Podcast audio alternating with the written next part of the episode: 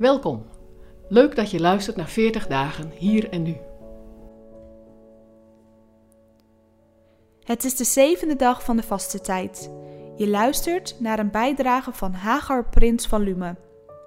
De titel van de bijdrage is Wat jij van Mozes kunt leren over zegen brengen.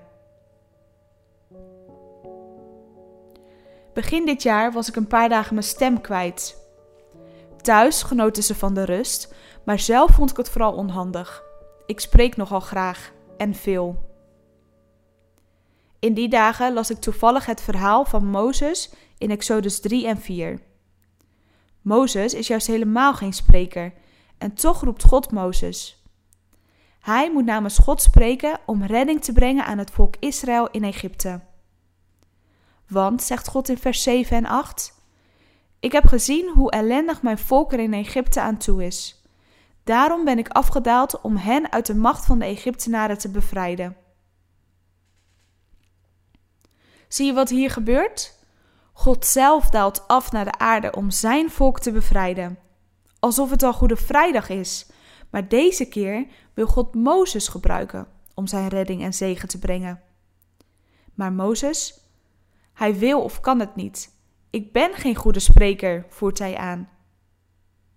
En kijk eens wat God dan allemaal uit de kast trekt om Mozes te overtuigen.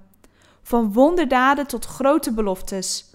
Ga nu, ik zal bij je zijn als je moet spreken en je de woorden in de mond leggen. Maar Mozes houdt voet bij stuk.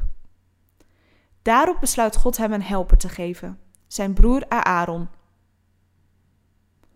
God roept Mozes om voor hem te spreken en zo tot zegen te zijn voor anderen.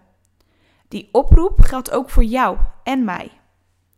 En de belofte die God aan Mozes doet, mag ook ons houvast geven bij het delen van ons geloof. En ja, misschien dat we daarbij soms uit onze comfortzone moeten komen. God daagt Mozes ook hiertoe uit, maar God dwingt Mozes niet. En dat besef mag jou en mij ontspanning geven. Mozes mag van God doen wat bij hem past. En onze genadige God stuurt hem daarbij zelfs een helper. Wat een God hebben wij! Welke bemoediging haal jij uit deze geschiedenis van Mozes voor het delen van je geloof? Wil jij ontdekken hoe je tot zegen kunt zijn voor anderen op een manier die bij jou past? Leer jouw taal van geloof delen kennen. Met Lume ontwikkelden we een test hiervoor. Je vindt hem op wijzijnlume.nl slash jouwtaal. Wil je meer weten over deze podcastserie? Ga dan naar 40dagenhierennu.nl